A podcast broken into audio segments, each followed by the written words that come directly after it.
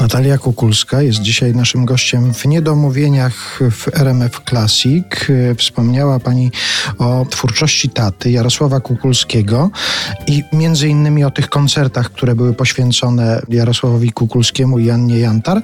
Czy zdarza się, że Coś do pani jeszcze cały czas dociera z twórczości taty, takiego, czego pani nie znała? Czy jednak y, wcześniej już pani poznała wszystko, co tata stworzył? Wiedziała pani, gdzie to jest, y, gdzie są nuty, y, gdzie to jest wszystko zarchiwizowane? Nie dosyć sama je jeszcze musiałam czasami obrabiać, tacie, taktować i, i czasami sadzał mnie jako dziecko z linijką i z ołówkiem i musiałam mu robić, jak składał te partytury do ZX-ów.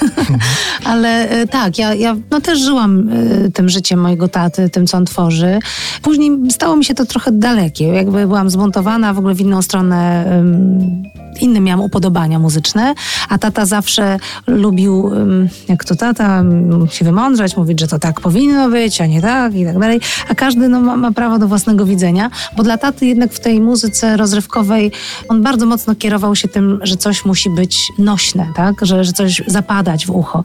A ja e, w ogóle się tym nie, nie kieruję już od dawna i zawsze uważam, że po prostu to musi być intrygujące, ciekawe, a jak takie będzie, to zapadnie do tych uszu, do których chcę albo trzeba a niekoniecznie musi to być takie dla wszystkich. Niemniej jednak e, zaskoczyły mnie, e, właśnie zaskoczyła mnie jego twórczość filmowa, która e, już wtedy robiła na mnie duże wrażenie, ale później jak starałam się jakoś posegregować tę jego spuściznę, którą zostawił muzyczną, to doszłam do wielu ciekawych utworów. Największą ciekawostką z życia mojego taty muzycznego dla mnie jest to, że skończył Wyższą Szkołę Muzyczną w Poznaniu na oboju.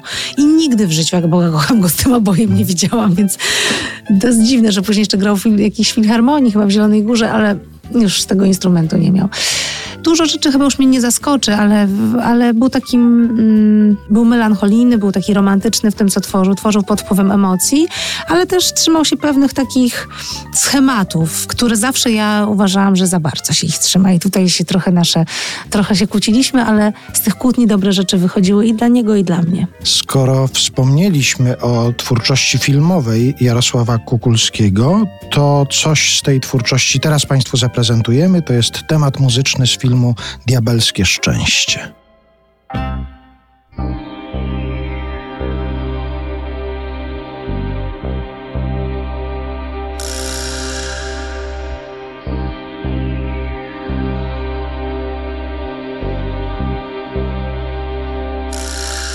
Thank